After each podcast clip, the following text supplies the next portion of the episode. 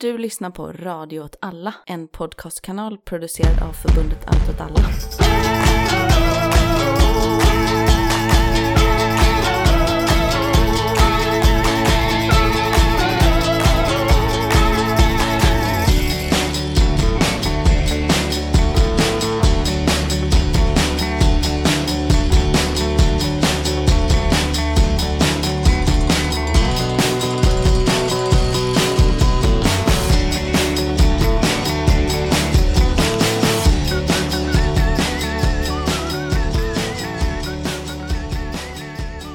Och välkommen till Rörelse med mig Martin Hansson och eh, ingen Myran Andersson, utan istället har jag med mig Volodja Wagner Hallå! som ett extrainsatt avsnitt för att reda ut lite om de senaste händelserna i Ryssland. Hej Volodja, nu har jag lyckats tjata hit dig eftersom att det har varit ett mordförsök i Moskva och ett mord. Ja. Det som har hänt är att Darja Dugina, Mm. det heter så kanske till och med. Dugina. Dugina, Ja, är det liksom den feminina varianten av efternamnet? precis. Mm. ja, på slutet. Eh, Alexander Dugens dotter har blivit mördad i ett bilbombsattentat kvällen den 20 augusti, kvart i tio tror jag det var, Moskvatid. Mm. Hon ska ha besökt en, eh, en konstfestival, är det beskrivet som. The Tradition Festival. Traditia. Beskriven som en eh, familjefestival för konstälskare. Ja, nu har jag inte kollat upp det, men det låter ju rätt mycket som ett här, halvnassigt jippo, eh, kan man säga. Eller väldigt konservativt. Precis utanför Moskva har jag förstått som, eller kanske Ja. till och med i Moskva. Jag vet Nej, inte Moskva-regionen, men utanför stan i en liten, så här, lite historisk eh, liten ort som har lite gamla villor och så. Det är olika kända aristokrater och bott förr i tiden och sånt. Och väl kanske lite rikingar också nu för tiden, har jag för mig. Okej, om vi bara tar själva händelsen så har jag förstått det som att hon lämnar festivalen, sätter sig i sin SUV, SUVen exploderar, har spekulerats i och till och med påstås av typ någon familjemedlem eller vän till familjen att Alexander Dugin själv skulle egentligen ha rest tillsammans med eh, sin dotter i den här bilen. Ja, det var väl hans egna bil också, jag förstår. Enligt vittnesmål. Att det skulle vara hans bil som hon då satt i. Och att han skulle kört därifrån i den med henne då, men ändrade sig i sista stunden, eh, gjorde andra planer. Är det som har framkommit från folk på plats tydligen. Alltså så här, folk som kände dem, eh, enligt olika så här, telegramtrådar. Då är det väl rätt mycket som pekar på att det var Alexander Dugin själv som var målet. Ja, det är väl en sån öppen fråga. Det verkar ju... Ja, precis, vi ska, ska väl komma till det, men det finns ju några stycken olika teorier kring vad som kan ha hänt och åtminstone enligt den ena då, den officiella ryska numera, enligt den verkar det lite mer som att det skulle varit själva dottern som eh, skulle varit målet. Just det. Men annars precis, eh, förutom det känns ju det ganska rimligt också att tänka att det skulle varit farsan som ju är mer etablerat och känd, eh, eller har, är liksom mer ökänd, inte minst utomlands men väl även inom Ryssland på sätt och vis. Ja, och om vi ska börja där egentligen. Vem är Alexander Dugin? Jag tänker på begrepp som nationalbolsjevism, traditionalism, e- euroasiatinism, jag vet inte hur man skulle... Precis, vad heter det på svenska? Eurasianism, jag vet inte hur man skulle... Eurasianism, precis. Ja, liksom i eh, Putins Rasputin, Putins eh, hjärna, Putins chefsideolog och så vidare. Han är Ja. en ganska omtalad man och var väl framför allt på tapeten i en svensk kontext för ett rätt många år sedan, där svenska fascister och nazister liksom började hasa upp honom lite som en, som en chefsideolog för deras rörelse. Mm. För att han är ju spännande, han är en spännande filosof om man får säga så. Eh, Eftersom att han stakar liksom ut en ny linje, en ny gammal linje kanske man ska säga, eh, inom det, det högerextrema eh, träsket. Ja, han hade ju en sorts högtid där eh, ja, mellan 2010 och 2014 typ. Och bland annat under den perioden var ju han i Sverige någon gång också på konferens i Stockholm som olika sådana här alt-right-figurer, svenska, hade ordnat. Så då var han väl lite på tapeten också i Sverige i och med det. Men eh, det stämmer ju att det finns någon sorts här, hype lite grann kring honom som person i mycket västländsk mediebevakning också, där de här epiteten ofta eh, liksom kommer in med Putins hjärna och så. Som dock folk som har befattat sig lite djupare med det här ämnet med honom personligen och så här rysk högerextremism och, och hur Kreml funkar och så vidare ofta retar sig på ganska mycket där de eh, känner att de har fått lite av ett eget liv eh, och eh, eftersom man liksom i en sån här medielogik också vill gärna hitta den här grå eminensen som står bakom Putin och viskar i hans öra och det tycker de flesta som kan lite mer om det är lite överdrivet. Ehm, men han har ju haft viss inflytande på sätt och vis eller har varit lite relevant genom åren. Han har ju haft en ganska lång karriär numera kan man säga. Där han började på slutet, i slutet av Sovjetperioden som en sån här bohemisk liksom antikommunistisk dissident i de kretsarna kretsarna i Moskva. Sen efter Sovjets upplösning så var han då med som, som du var inne på, grundade det här nationalbolsjevistiska partiet tillsammans med Edvard eh, Limonov som gick bort för, eh, vad det var, något år sedan eller ett Han har du och jag pratat om över en öl för många, många år Just det. sedan. Ja. Ja. författare och också väldigt spännande och färgglad figur. Men eh, det varade nog inte så länge och Dugen eh, lämnade det sammanhanget efter, efter några år, mitten på 90-talet tror jag. Och det partiet blev sen förbjuden och liksom levde vidare under i andra former under Limonovs eh, ledarskap. Men eh, det finns ju i nationalbolsjevismen finns ju den här, här, den här röda tråden också med Jev, vad fan heter det nu? Jevrasianism. Ja, eurasianism kan man väl Precis. säga. Ja. Som ursprungligen, det är inget helt nytt heller. Det har ju funnits i rysk eh, liksom, eh, filosofi och politisk, um, politiska teorier sedan många årtionden tillbaka, um, över Ja. hundra år sedan. Och så det som han håller på med, Dugen, brukar därför också ofta beskrivas som ny eurasianismen. Det är som, Ja. alltså hans nya tolkning liksom. Som Om man ska ta den supersnabbt så är det väl typ att Ryssland är varken europeiskt eller asiatiskt utan utgör nästan en egen eh, världsdel. Ja, som, civilisation. Ja, men civilisation liksom, som, och kultur som har en särställning, eh, både gentemot Asien och gentemot Europa. Och ska liksom då också på något sätt eh, förstås och respekteras. Mm. Och då precis, då kommer in också så här idéer om att eh, det skulle finnas någon sorts global konflikt mellan sådana här um, havs... Ja, vi kommer till land, vi kommer till land islands alldeles strax. Ja. För nu är du inne och tassar på boken Foundation of Geo- Geopolitics. Ja, eller det liksom genomsyrar väl ja. Ja. Dugin och andra sådana här ideologiska tankevärld liksom på olika håll, men det kommer väl också upp i, i hans då mest kända, eller ett av hans mest kända Ja. verk som är det här som, som du nämner, eh, ja, vad heter det, alltså geopolitikens grund... Ja, Foundation of grundare, eller, Geopolitics. Den verkar inte finnas i typ svensk översättning. Jag försökte få tag i den här boken ganska länge. Ja, just det. Jag var till och med inne och tittade på ett Nasse-förlag, om de hade en översättning, en engelsk översättning av den. Uh, det hade de inte. Jag tror dock att just den boken, jag tror jag kanske, eller den säkert finns också bland olika västländska nassar, men den är väl lite mindre nasse på så vis, och det är den boken som man hade, hade lite inflytande med på lite mer så här, militära Mm. kretsar och policymakers och så i Ryssland, för det handlar då lite mer om sådana här, ja men som eh, titeln eh, liksom förmedlar liksom mer om här, geopolitiska Mm. funderingar. Det sägs ju att den här boken har eh, ingått som eh, obligatorisk läsning inom generalstaben och så i Ryssland. Ja, Det är ju, med mycket sånt här, så är det ju också att Dugen själv ganska ofta är källorna på det här. mm. Eh, ska man ju säga. Eh, och, att det kanske finns ett egenintresse av honom att ha sig upp hans inverkan och eh, liksom inflytande. Det Ja, han kommer- blir ju troligtvis väldigt glad också varje gång han läser att någon i, New York Times eller någonstans skriver att han är Putins hjärna Ja. och chefsideolog. Det tycker jag han är superkul. Så att precis, han spelar ju upp detta också gärna liksom. Men det är nog inte helt fel vad jag förstår heller. Som jag uppfattar det så ska den boken till och med ha skrivits lite grann på uppdrag av dåvarande, jag vet inte om det var försvarsministern eller någon sorts rådgivare i försvarsdepartementet i Ryssland. Roligt nog då innan Putin också, alltså under liberala Jeltsin liksom. Ja, men den här kom ut 97, tror Ja. jag, Foundation of Exakt. Geopolitics.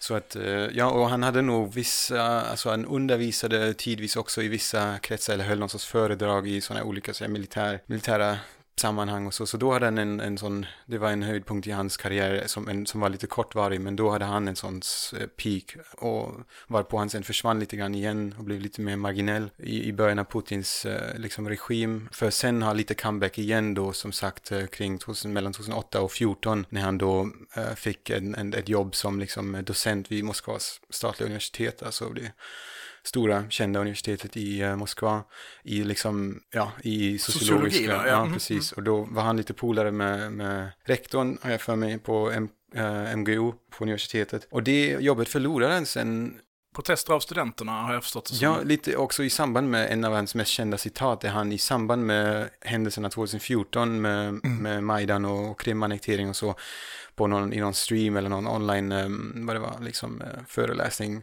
eller intervju sa så här att eh, vi måste döda, döda, döda ukrainare. Och det var lite väl mycket sen för eh, liksom ett officiellt universitet ändå ha en lektor som säger så, då fick han sparken. Ja, och, och hans teori, jag vill liksom någonstans, om man ska väldigt enkelt och kortfattat sammanfatta det, så säger han väl att Ryssland utgör motpolen mot atlantinismen, jag vet inte hur man skulle översätta det, som är alltså relationen mellan eh, USA och Europa, och att det finns lite olika vägar för Ryssland att utgöra liksom den centrala hegemoniska makten i världen. Det bör uppnås, det är också den naturliga eftersom att de då är landön, som det då beskrivs som, som kontrollerar världsön, som då är Europa och Asien. Och, och den som kontrollerar världsön kontrollerar liksom också världen. Det jag har läst ur boken, jag har läst både liksom stycken och läst artiklar om den, så får jag bara känslan av precis som du säger, eh, att den nog är ett beställningsverk. För den tonar ju ner liksom eh, den andra Dugin ganska mycket. Eh, alltså den helt kokobello-dugen som vi kan komma till sen.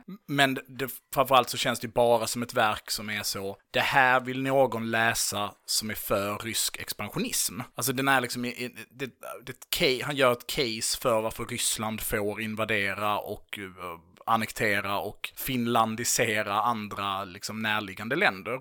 Och varför man då har någon typ ish gudomlig rätt till att göra det. Just det, det kan mycket jag jag har aldrig läst eh, boken eller befattat mig så ingående med den, så då kanske vet du mer också om vad den, vad huvudtråden är i den boken, men det, den logiken precis har väl präglat ganska mycket av det han gjort och som du säger finns det ju lite olika versioner av Dugin också. Han har ju liksom eh, lite som en kameleont också bytt liksom färg och anpassat sitt, sin retorik ganska mycket. Han kan liksom när han talar till olika tjänstemän och militära beslutsfattare och så då kan han låta lite mer sådär rationell och liksom mer statsmannamässigt eller liksom åt det hållet. Och sen när han talar till liksom mer radikala, så subkulturella, högerextrema sammanhang kan han låta mycket mer revolutionär och liksom radikal och så. Så det anpassar ju han rätt skickligt då också. Och samma sak när han pratar till västländska journalister och så vidare. Och så vidare. Så att också genom, histor- genom hans politiska karriär har han då liksom skiftat lite genom de här olika liksom perspektiven. Um, men bibehållit, bibehållit ja, någon sorts um, ja, huvudriktning i det hela ändå som, ja,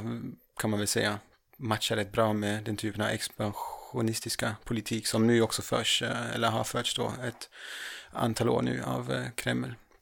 Ja, och du pratar ju där om, om att han är med i nationalbolsjevikiska eh, partiet och det är väl en ganska kort saga egentligen, även för Dugens del det är väl som är intressant med det är väl att om man ska förstå Dugen och tänka på nationalbolsjevism så är det lite spännande. Man kan liksom tänka på Dugens politiska projekt, nu ska jag verkligen förenkla det, om vi då också hoppar över all typ gnosticism och olika liksom så eh, urmagiska och urreligiösa takes han har på saker, så tänker jag att man kan se den här, att han i första hand är en, att det är auktoritet i första hand, alltså typ en Stalin utan kommunism till exempel, kan uppskattas. Ett, eh, ett starkt Ryssland, ett starkt Kina är bra för att det är bra på något sätt. Att det liksom finns ett ett egenvärde i att ja, vara en auktoritär stat. Och liksom. gärna just staten i sig också, staten som sådan, alltså en sorts eh, besatthet med liksom att det ska finnas just en stark stat. Alltså medan andra kanske nazistiska eller högerextrema sammanhang kan mer betona liksom folket som sådan, eh, liksom oberoende också från vilken stat de nu organiserar sig i eller är organiserade i.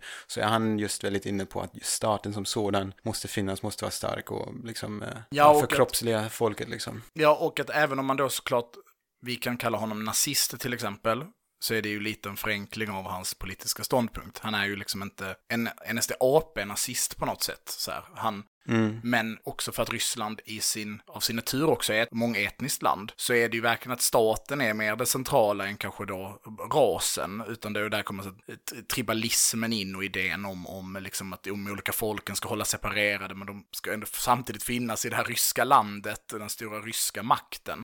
Ja, det finns ju olika lager i rysk nationalism generellt där man har sådana som är bara för ryska folket etnisk, etnisk mm. bemärkelse och hatar även alla ryssa, ryska medborgare som inte är etniska ryssar. Sen finns det de här panslavisterna som vill ha med belarusarna och ukrainarna också till exempel. Sen finns det de här allmän ryska, eh, liksom de som ja, vill liksom, eller liksom, ja, se sig som försvarare av den, det, de ryska folken och det ryska folket som nu lever i Ryssland och sen finns det någon sån här liksom neoimperialism där man vill liksom återinförskaffa sig olika delar som tillhör Sovjet eller ryska riket före, före Sovjet. Ja, och där kan man ju säga att, det, det kör han ju lite på. Alltså att han har, det tycker jag också är spännande. Idag är han ju ganska poppis och stor i Turkiet till exempel. Mm. Och har mycket turkiska kopplingar. Och det är ju lite roligt för att om man då läser vad han skriver om, typ vad man ska göra med Azerbajdzjan och så. Alltså innan han blev kompis med med fascistkretsar i Turkiet. Då ska liksom Azerbajdzjan styckas upp och ena delen ska ges till Iran och andra ska ges till Armenien. Alltså att Turkiet framstår mycket tydligare som en, liksom en motpart, vilket då historiskt kopplat till Ottomanska riket och liksom den typen av processer, men inte minst på grund av att Turkiet också är NATO-medlem. Men sen så svänger det liksom och får tas bort lite ur berättelsen, för det passar inte när man ska vara, till exempel var den personen, du lyssnade på en, en, ett avsnitt i Navara Medias podd, där de pratar om att Dugen antagligen spelade en, en viss roll när eh, Turkiet skjuter ner ett ett eh, ryskt attackplan, tackplan, 2013 tror jag det är. Då är det liksom Dugen antagligen personen som liksom mäklar fram dealen mellan Turkiet och Ryssland för att han hänger där. Och då får han ju börja skriva om sina böcker för det passar inte riktigt. Vi har pratat lite om vem Dugen är och eh, kanske inte så jättemycket om vem han är idag. Men det här attentatet har ju skett. Det råder det ju ingen, ingen tvekan om. Och med det så kommer det ju en rad frågor liksom. Bland annat så, vem är hans dotter? Precis. Uh, hon har vi inte pratat om så mycket och det är ju hon som nu då har dött och som ju åtminstone enligt vissa förklaringsmodeller skulle teoretiskt också kunna vara huvudmålet i attentatet. Och, ja, inte uh, minst då baserat på den ryska säkerhetstjänstens, eh, FSBs, utpekande av mördaren som nu då ska vara en ukrainsk småbarnsmamma som rest till Moskva med sin dotter, hyrt en lägenhet under Darja Duginas, eller i samma lägenhetskomplex som henne, kört runt i en Mini Cooper. Bytt plåtar på den några gånger och sen typ dagen efter explosionen lämnat landet och kört in till Estland. Mm. Eller, till, eller liksom deras Vilket förklaring. då talar för att det är hon som är målet då? Ja, enligt, enligt ja. den förklaringsmodellen leder ju vara hon då om hon nu har hyrt in sig den här eh, attentatskvinnan eller liksom gärningskvinnan om hon nu hade specifikt hyrt in sig i den, det lägenhetshuset och liksom följt efter henne som FSB påstår så äh, låter det ju mer som att hon var efter henne. Precis, vi kan väl diskutera liksom rimligheten i de olika teorierna som bland annat den här från FSB äh, om en stund men precis man kan ju undra är det finns det någon skäl att tro att det skulle vara dottern som skulle kunna vara måltavlan i själva verket. Och uh, det verkar inte helt stämma ihop med de här vittnesmålen som säger att farsan skulle sitta i bilen. Då låter det som att i sådana fall är det både två och sen bara blev det inte av av um, slumpmässiga skäl liksom. Men hon har ju till skillnad från pappan då varit på ett sätt lite mer synlig och relevant kanske i någon sorts mainstream, i dagens, men jag säger mainstream propagandistiska värld i Ryssland. För att hon, till skillnad från honom, då har varit med, mycket mer aktiv nu i så här, statliga medier och så varit så här, kommentator och återkommande gäst i olika så här, talkshows och pratprogram och varit sådär journalist och gjort reportage åt eh, RT och Tsargrad till exempel, en sån här, en, ett mediehus som ägs av en, en rik högerextrem liksom eh, finansiär som också är polare med Dugin-familjen och som sägs, eller på senare år har väl blivit hans eh, huvudsponsor och som även nu eh, efter attentatet attentatet släppte åt eh, Alexander Dugin och ett statement från honom. Han är ju väl själv på sjukhuset nu efter att han väl kanske hamnade i chock eller något sånt i samband med den här explosionen. Och då har då ägaren eh, till den här kanalen Sargat släppt ett statement från Dugin. Men hur som helst så har den här dottern då haft liksom lite så här rollen som eh, journalist och kommentator och varit nyligen också i Mariupol och eh, någon annanstans. Hon har varit runt lite i ockuperade Ukraina på sistone och um, ja, då på så sätt var ett rätt framträdande också i den här pågående propagandaoffensiven i samband med kriget. Så eh, ja, på så sätt är väl hon också på, på sätt och vis en rimlig, ett rimligt mål för de som vill liksom ha ihjäl den typen av propagandister. Samtidigt som eh, till skillnad från de ännu mer kända propagandisterna och riktiga så här beslutsfattare inom Kreml och så har ju troligtvis inte de två, eh, varken, varken um, Alexander Dugin eller hans dotter haft någon sorts um, officiell liksom, skydd från, uh, från ryska säkerhetstjänsterna till skillnad från, har jag för mig, eller nu blir jag osäker om det är belagt, men jag tror att de här mest kända tv-personligheterna, uh, att de ingår i det här ja, precis som politiker också och så vidare. Så det är nog så och dessutom är det nog också lite rikare och kanske inte rör sig bland folk på samma vis som de två då har gjort. Så det gör ju också de två till ett mjukare mål och lättare att komma åt. Eh, för vem det nu var som gjorde det liksom. Så det är väl eh, ja, en faktor som är intressant kanske. Att om man nu försöker ha ihjäl någon som eh, det blir någon sorts offentlig liksom, effekt av det, då är det nog lättare att komma åt de två än ja, Margarita Simonjan, chefen på RT eller någon sån person liksom oavsett, liksom, bort, bortsett från hennes också så här, personlighet som säger ja, tv-personlighet och journalistiska liksom, eh, gärning så var ju hon också någon sorts liksom, högre hand till pappan och var hans eh, så, talesperson och, och sånt och rätt så medievan. Så hon var ju inte helt eh, irrelevant heller liksom. Eh, ja, och så kan man fundera över om det gör henne till eh, ett troligt liksom, eget mål i en sån här attentat. Nej men precis, här målar du upp en bild där det låter som att hon eh, var ett ganska rimligt mål att, att angripa. Eller att hela situationen, nu kanske det ändå var fadern som var målet eller båda två. Men vi vet FSBs eh, berättelse. Då är det den här Assovak-anknutna Vovk. Uh, ja, vad heter hon? Natalia? Kanske? Natalia Vovk, Ja. som är den eh, misstänkta eh, gärningskvinnan då. Sen har vi den här intervjun med han som har tillhört vänsterfronten i Ryssland tidigare. Just det.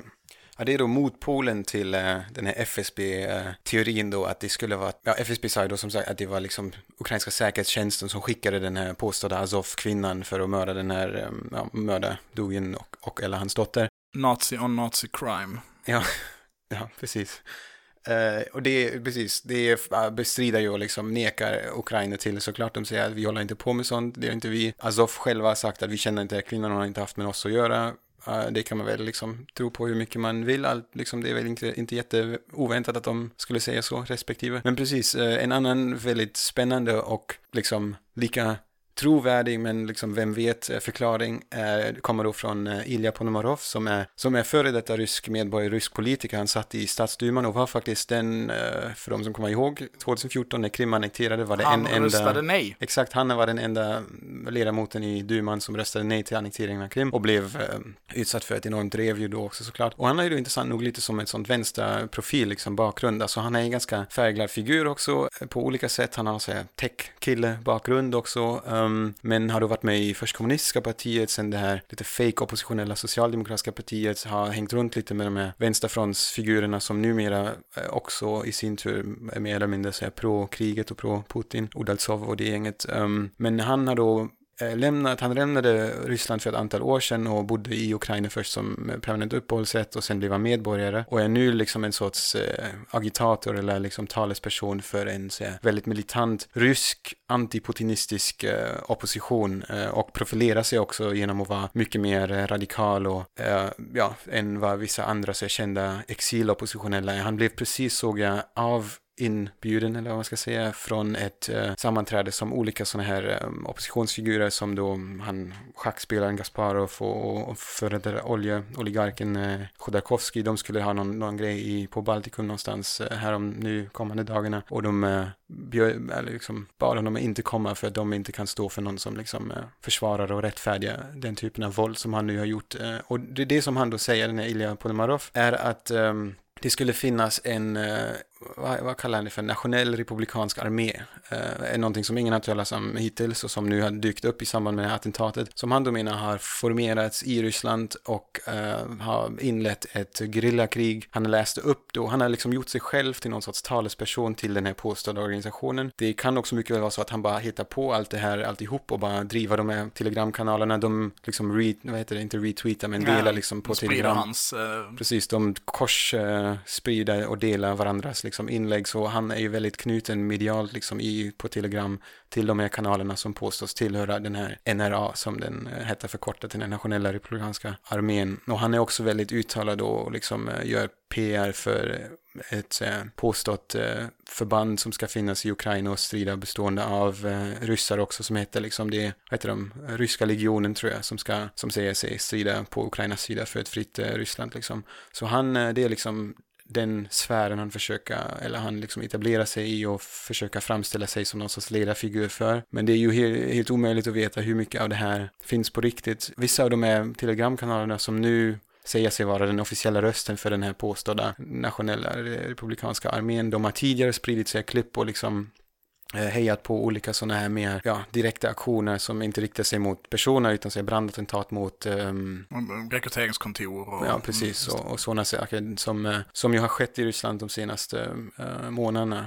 Delvis av olika så, anarkistiska sammanhang och enstaka aktivister och en och annan nationalist väl också som har deltagit i det. Och då är väl meningen i den här förklaringen att det skulle nu ha liksom eskalerats ytterligare och börja sikta in sig på beslutsfattare, sådana här propagandister och, och andra fiender. Och eh, i det här manifestet som Panomarovto läste upp eh, i sin eh, video som han postade så um, ja, är det ett, ett, ett mellanlångt manifest där de säger men uh, vi ska förinta Putin och hela hans klick och alla uh, säkerhets, um, liksom, tjänstemän som försvarar Putin och det systemet, alla oligarker som inte tar avstånd, alla företagare och alla andra liksom, officiella figurer eh, förklarar de krig mot då, den här påstådda organisationen. Ja, och det är spännande om det nu är sant. Eh, det är såklart extremt eh, intressant och en helt annan verklighet, men det är jättesvårt att säga om det här är på riktigt. Och generellt kan man väl säga att den här Ilja Ponomarov har ett rykte eh, kring sig av att ha en ganska livlig fantasi och ganska aktiv liksom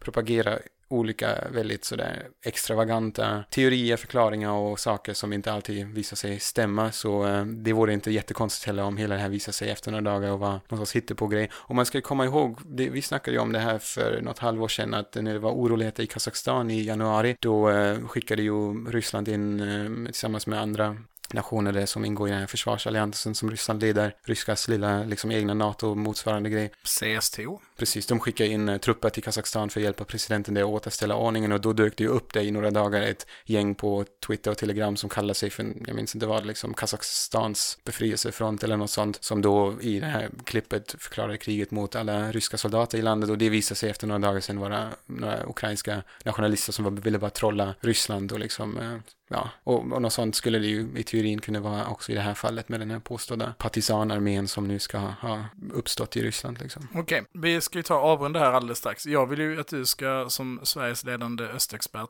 vad tror du har hänt? Ja, jag äh, vet inte och jag tror det kan vara så att vi kommer få veta mer de kommande dagarna och veckorna. Eller så kommer vi inte veta vad som har hänt på länge. Det äh, finns ju också några andra teorier som också kan vara troliga som att det är någon sorts intern äh, uppgörelse mellan olika nationalistiska falanger som eh, Dugin då rörde sig i eller eh, olika eh, alltså, krafter inom den ryska apparaten som av någon anledning ville göra sig av med, med honom eller hans dotter. Dessutom finns det också ett spår där folk menar att eh, väl hans son, här för mig, Alexander Dugins son Atur, som att han skulle haft med lite shady characters att göra som skulle mordhotat honom och eller hans farsa så, utifrån sig lite mer bara kriminella pengaskulder eller något sånt. Ja. Så att eh, det finns nog olika rimliga förklaringar här och jag tror det är för tidigt att verkligen eh, säga någonting utes, alltså någonting eh, slutgiltigt om det här. Alltså är narrativet i Ukraina också att Dugin är Putins Rasputin? För jag tänker att det väldigt mycket är ett västerländsk förståelse av Putin som ekar i de beskrivningarna. Alltså att det här har varit återkommande om Putin under lång, lång tid och sen tidigare också, liksom, under Sovjetunionen och olika ryska ledare. Som det här James Bond-skurksbilden av dem. Man vill förstå det som att Putin, man vill gärna förstå det som att Putin har liksom en galen skäggig man som står och viskar giftiga ord till hans, i hans öron där han, för att han ska göra tokigheter. Ja, alltså mitt intryck är också att det är eh, mer utpräglat i, i väst och i västländska mediebevakningen då än tror jag i Ukraina också. Um, så precis, det är inte helt uppenbart eh, vad som skulle vara skälet. Sen ligger det väl i sakens natur om man börjar fundera över vilka säkerhetstjänster skulle gjort vad, att det då brukar finnas saker man kanske inte känner till eller så. Så om det nu hade varit det, då kanske finns andra aspekter som man, ja, vem vet, som man inte känner till. Det man kan lägga till och rent tekniskt sådär eh, är väl att den typen av attentat med säga bilbomb har väl utförts både på senare år av såväl ryska som ukrainska säkerhetstjänster mot olika figurer som bland annat olika av de här ledarna som eh, blev relevanta i samband med den här initiala fasen i Donbass eh, där man hade lite så här, free agents, olika militära ledare som ledde olika förband och var kanske lite för självständiga. Där man inte vet var det ukrainarna som, eh, som sprängde till exempel ledaren för för DNR, Donetsk folkrepubliken, Zacharchenko dog ju, det var ingen bilbomb, men de sprängde honom i någon café för vad det nu var, fem år sedan eller något, tre, fyra, fem år sedan. Och då eh, finns ju konkurrerande förklaringsmodeller att det antingen var då Kreml som ville göra sig av med sig för svårkontrollerade självständiga ledar, ledningsfigurer eller att det var då SPU, ukrainska säkerhetstjänsten, som ville bara göra sig av med fiender. Och eh, ja, och det är nog, sen har det funnits attentat mot olika ukrainare i Ukraina, alltså i Kiev och sådana ställen med bilbomber. Så det finns väl en historik från båda sidor att man har tagit till sådana medel. Så helt främmande vore det ju inte för varken ena eller andra sidan. Eh, men eh, det tycker jag nog är väldigt svårt att, att liksom reda ut i nuläget. Den här officiella ryska förklaringen till eh, kring attentatet, att, att Dugina kanske, dottern var kanske måltavlan och att det gick så himla, det är ju också ganska fascinerande att FSB efter två dagar har rätt, alltså de säger ju själva att vi har löst fallet. De säger inte bara vi har en working theory, de säger vi har löst det här fallet, det är klart, vi fattar allt, vi vet hur det gick till. Och att de då um, ta hon som då är död och kan göras till en martyr och inte kan liksom försvara sig eller inte kan uttala sig själv kring någonting. Kanske på ett sätt som, eh, ja, nu har ju till och med Putin själv intressant nog till och med sagt liksom, ja, alltså skickat sina, vad heter det, sina condolences till uh, familjen Dugen och sagt att hon, Daria, var en, en jättefin rysk patriot och det är jättehemskt vad som har hänt henne och, och så vidare. Och han har mig veterligen aldrig nämnt eh, pappan tidigare, alltså i kontrast mot det här med att han skulle vara hans chefsideolog. Vet jag känner inte till några öppna publika uttalanden från Putin rörande Alexander Dugin och nu säger Putin då, ja men det är jättesynd om den här unga kvinnan som var en så bra journalist och, och så vidare. Så att eh, där känns det också nästan som att man eh, är ganska snabb på att liksom göra den här storyn till en sån här hjälte martyrhistoria. Eh, det är de här omänskliga fienderna i Ukraina gör en sån hemsk grej mot en så ung lovande kvinna.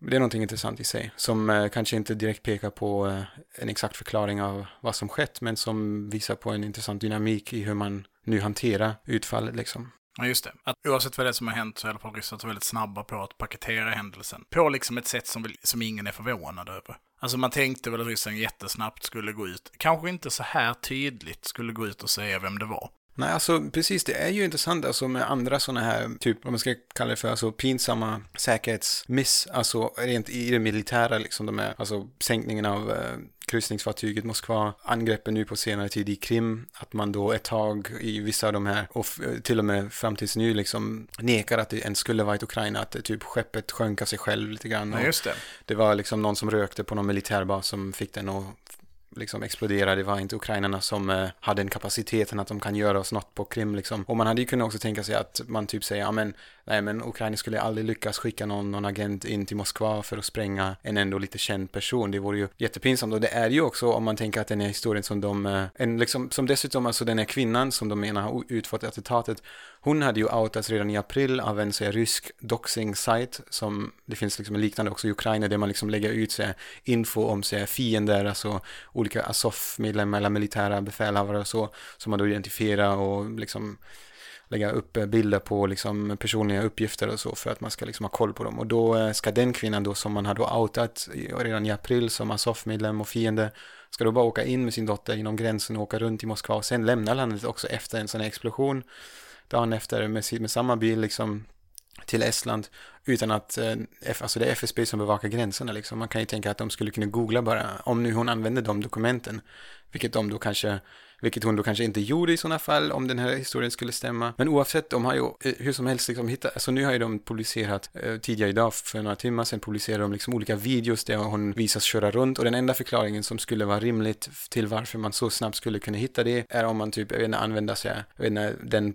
ganska avancerade så facial recognition mm. software som Ryssland sägs ha och använda mot eh, folk de vill fånga, alltså som med olika övervakningskameror och så.